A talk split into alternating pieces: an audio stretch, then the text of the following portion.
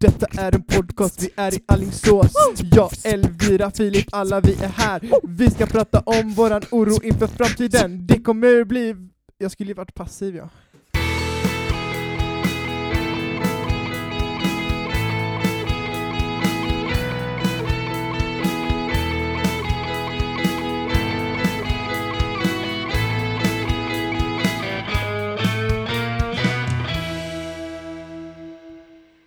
allihopa och varmt välkommen till eh, dagens podcastavsnitt. Jag heter Elvira och jobbar i Stockslykskyrkan och idag har jag med mig Simon Magnusson och jobbar också i Stockslingskyrkan och And Philip Hjalmarsson currently working in uh, Noltorp Church as uh, a fritids leader.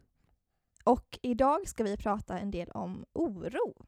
För så här i coronatider så kan man eh, lätt påminnas om saker som är jobbiga, eh, oro inför hur det kommer bli, hur det kommer vara, hur länge det kommer, kommer hålla på.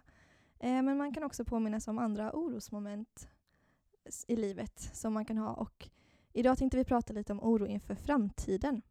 Så jag tänkte Filip att du skulle kunna få börja och berätta lite om ditt liv.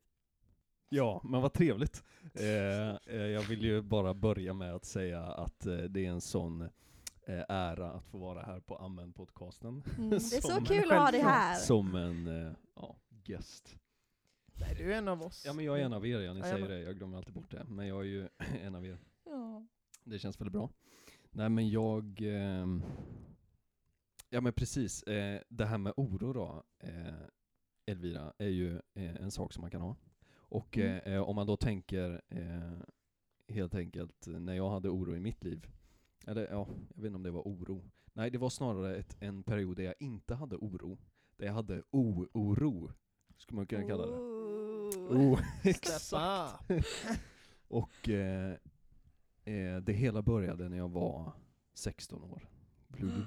Wow.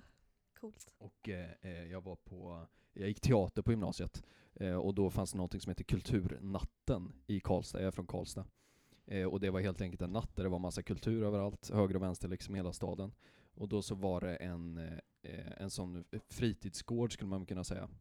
Eh, där det fanns en scen eh, och eh, klockan 19.00 så skulle det vara en eh, improvisationsföreställning där. Helt enkelt. Eh, och jag, jag bara, ah, okej, kul improvisationsföreställning. Mina vänner tyckte också det var så här, ja kul, har aldrig sett det förut liksom. Och folk bara, ja de är grymma, ni borde gå. Så vi gick på den här, eh, vi gick dit liksom. Och det är proppfullt med folk. Eh, och och eh, vi kom dit typ mitten i, och vi kommer in och alla bara garvar ihjäl sig liksom. Och då är det fyra pers som står Eh, ja men det var lite som en, det var lite som en gladiatorarena skulle man väl kunna säga. Liksom scenmässigt, ja jag vet det är lite konstigt, men alltså det var som att man kunde stå liksom uppe på, ja skitsamma det, det är oviktigt. Men, men de, de, eh, de improviserade helt enkelt, improvisationsteater, så de hade inget manus, de hade liksom ingen, inga förberedelser, utan de bara körde rakt ifrån, ja rakt ifrån idé liksom. Eh, och ingen visste vad som skulle hända. Eh, och, och jag bara, tjena det här är bra. Det här är riktigt bra liksom. Eh, de var grymma, det var skitkul. Och då, några år efter, så eh, fick jag en förfrågan att vara med just i den gruppen, den eh, improvisationsteatergruppen. Eh, så jag hängde med i den liksom, och eh, då gick det ju från att eh, till en början så gjorde vi bara massa roliga sketcher liksom. Eh, sen så utvecklade vi liksom, eh, vad ska man säga, vi utvecklade konceptet. Sen utvecklade vi konceptet och liksom körde eh, långformsföreställningar. Så en och en halv timmes föreställningar, helt improviserade. Eh, på scen då liksom. Och sen så utvecklade vi konceptet ännu mer, körde en och en halv timmes föreställningar fast musikal. Vad och sen så, kul. ja, och sen så blev, Wow. sen så, sen så eh, eh, utvecklades konceptet ett steg till och det var liksom klimax innan jag slutade. och det var att ha helt improviserade eh, Improvision Song Contests då, som, ehm, eh, som vi kallade det. Eh, och eh, där står jag då eh, och halvsvettas och tänker varför gör jag det här? Det är 350 pers i publiken, om det inte var mer, typ om det inte var 400. Eh, och jag har liksom inte sjungit offentligt för folk förutom i kyrkan och så här på lovsång. och nu ska jag stå här och improvisera en hel låt inför massa människor liksom. På Improvision Song Contest, då, då kan jag känna verkligen att hjärtat bultar liksom, just för att vara här med sånggrejerna. Men annars på de här improvisationsföreställningarna så kände jag mig aldrig riktigt sådär jätteorolig liksom. Alltså du inte kände dig nervös, Nej, precis. helt enkelt. Nej, precis. Mm. Jag tänkte säga att jag alltid har undrat över varför, men jag tror egentligen jag vet varför. Och det var att jag tänkte inte... Eh, fokuset låg inte på mig, liksom, när jag var på scen. Mm. Eh, det var klart att jag var tvungen att ha koll på vad jag gjorde, liksom. men, men, innan föreställningarna och liksom när jag väl var där så riktade jag bort fokuset från att jag skulle bli så bra som möjligt, eller att folk skulle se mig som en så bra improvisatör som möjligt, till att få ge dem en så bra föreställning som möjligt. Liksom. Mm. Och att okej, nu vill vi att hel, alltså helheten, att hela föreställningen ska bli så bra som möjligt. Eh, och att det blev liksom en riktning i fokus, att inte fokusera så mycket på mig själv, utan att liksom fokusera på, på att ge något till andra liksom. Mm. Ja. ja, men jag tror att det är en superviktig grej när man har oro, liksom att se det från olika perspektiv. Typ. För ibland så kan man vara väldigt, hamna väldigt mycket i det. Liksom. Mm. Och att man då kan försöka se det från ett annat perspektiv. Att se det utifrån eller vad det nu, beroende på vad det gäller. Liksom, att det kan hjälpa jättemycket i hur man ska hantera oro och nervositet och stress och sådana saker. Tänker jag. Mm. Precis.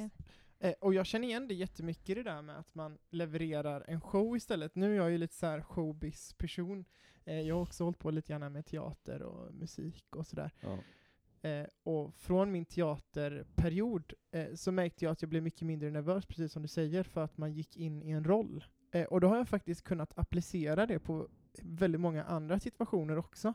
Att jag tänker att jag går in i en roll när jag spelar gitarr på scen och även när jag talar, liksom, att det är inte jag som gör det, utan det är min roll som gör det. Och det kan jag tycka är väldigt eh, skönt, faktiskt. Och det är ett väldigt fint sätt att hantera just den nervositeten som blir på scen. För jag var svinnervös eh, innan eh, detta, att eh, gå upp på scen och stå för det. Liksom. Ja, och det, och det kan ju vara alltså, vi pratar, jag vet att vi pratade lite innan om att många är nervösa för att gå upp och göra presentationer Mm. och sådär, vet jag att Mm. vi pratade om ju. Mm. Precis. Och att man kanske i de situationerna också kan försöka fokusera på vad är det som jag vill leverera liksom. Och inte hur kommer jag se ut nu eller så här, hur kommer folk uppfatta mig nu liksom. Att som du, som du säger, man, man går in i en roll och kanske försöker bara eh, tänka vad kan jag ge nu till folk? Mm. Istället för hur kommer jag uppfattas liksom. Ja men precis. Så var jag alltid när jag skulle göra redovisningar. Jag var ju trygg med teater och med att spela gitarr. Eh, Mm. Men när jag skulle redovisa i skolan då var jag alltid så nervös. Och då fick jag den genialiska idén att jag ger mig själv en roll. Jag ger mig själv ett namn. Jag ger mig själv liksom en helt aspekt liksom. Vi hade en naturkunskapsredovisning. Eh, eh, åh, nu glömde jag, det var el, typ så här miljövänlig el har jag för mig att det var.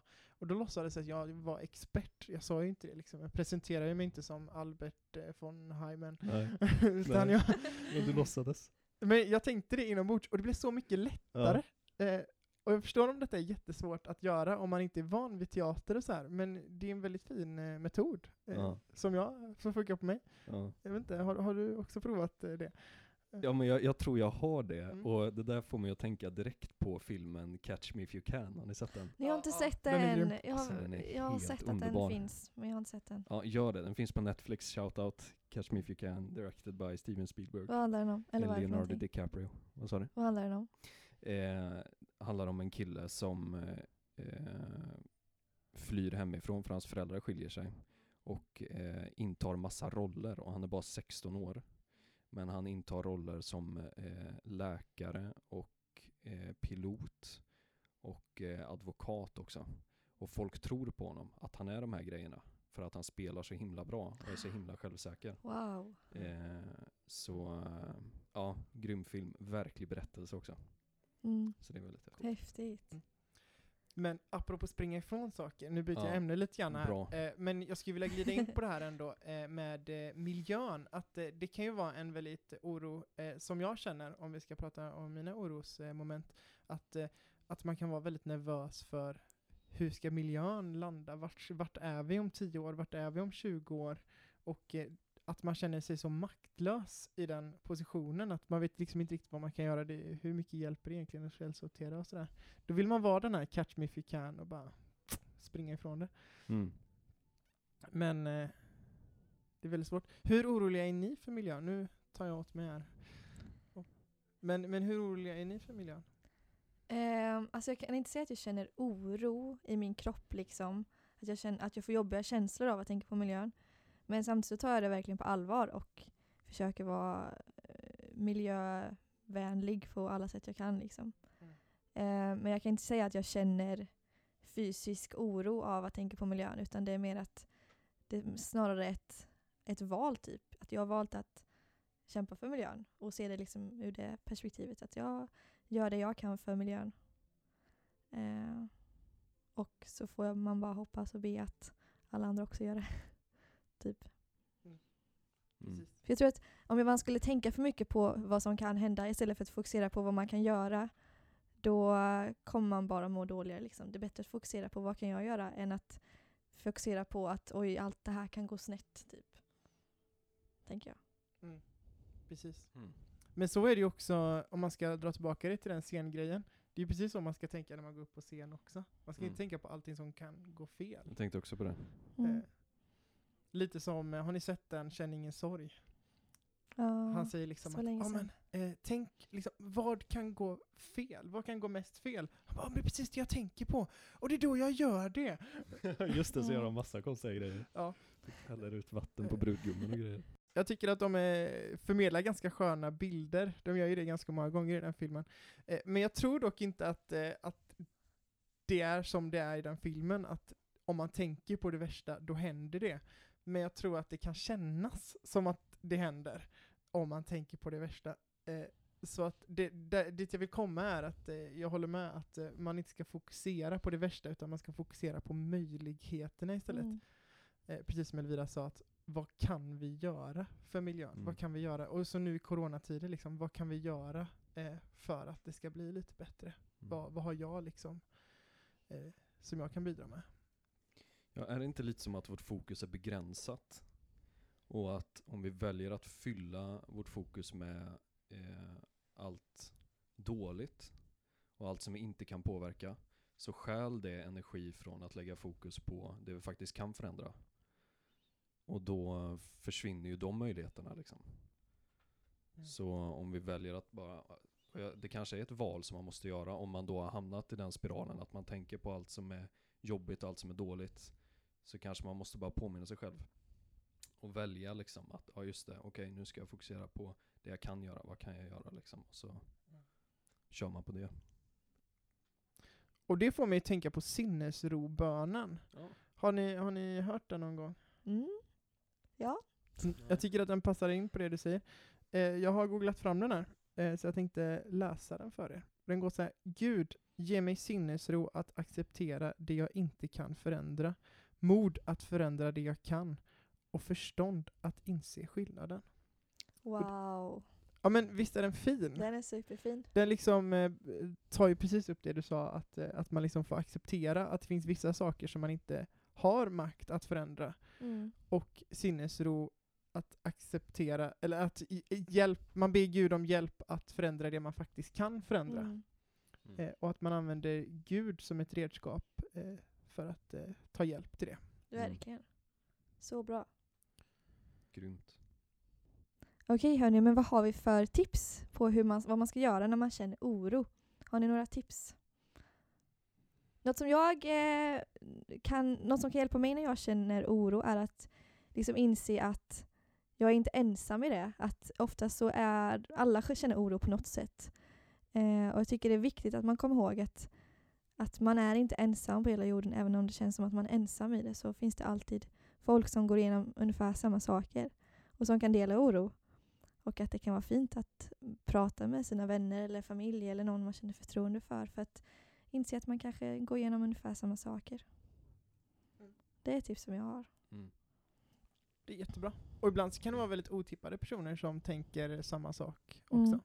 Så att eh, man vet ju aldrig vem, vem man kan prata om med vad. Nej, Eh, och då får man reda på nya saker om folk. verkligen. Men lite grann det som summerar den här, eh, den här eh, podcasten, lite grann kan jag tycka. Att man liksom försöker styra sitt fokus. Att vad, vad, vad vill jag egentligen fokusera på? Och ni har ju fått lite redskap eh, hittills i den här podcasten. För jag tror det handlar precis om det som du sa Filip, att det man styr fokuset på, det hamnar i centrum. Och det är det man liksom gräver ner sig i. Ja men precis, och då några faktiska sådana eh, praktiska tips kanske då är att eh, ja, men delvis engagera sig i sammanhang som, som ger en rätt fokus, som ger en bra fokus. Eh, om man inte har det så kanske, ja men som kyrkan är ju fanta ett fantastiskt sammanhang just så då. Eh, att eh, faktiskt eh, se om det finns några plattformar där man kan hjälpa till liksom. Eh, jag vet att vi har ju nu, vi samlar ju en eh, en eh, ungdomsbank för att hjälpa äldre att handla. Mm. Eh, så eh, det, det kan man ju absolut gå med där då till exempel. Ehm, ja men bara engagera sig i olika saker tror jag är viktigt. Olika projekt kanske.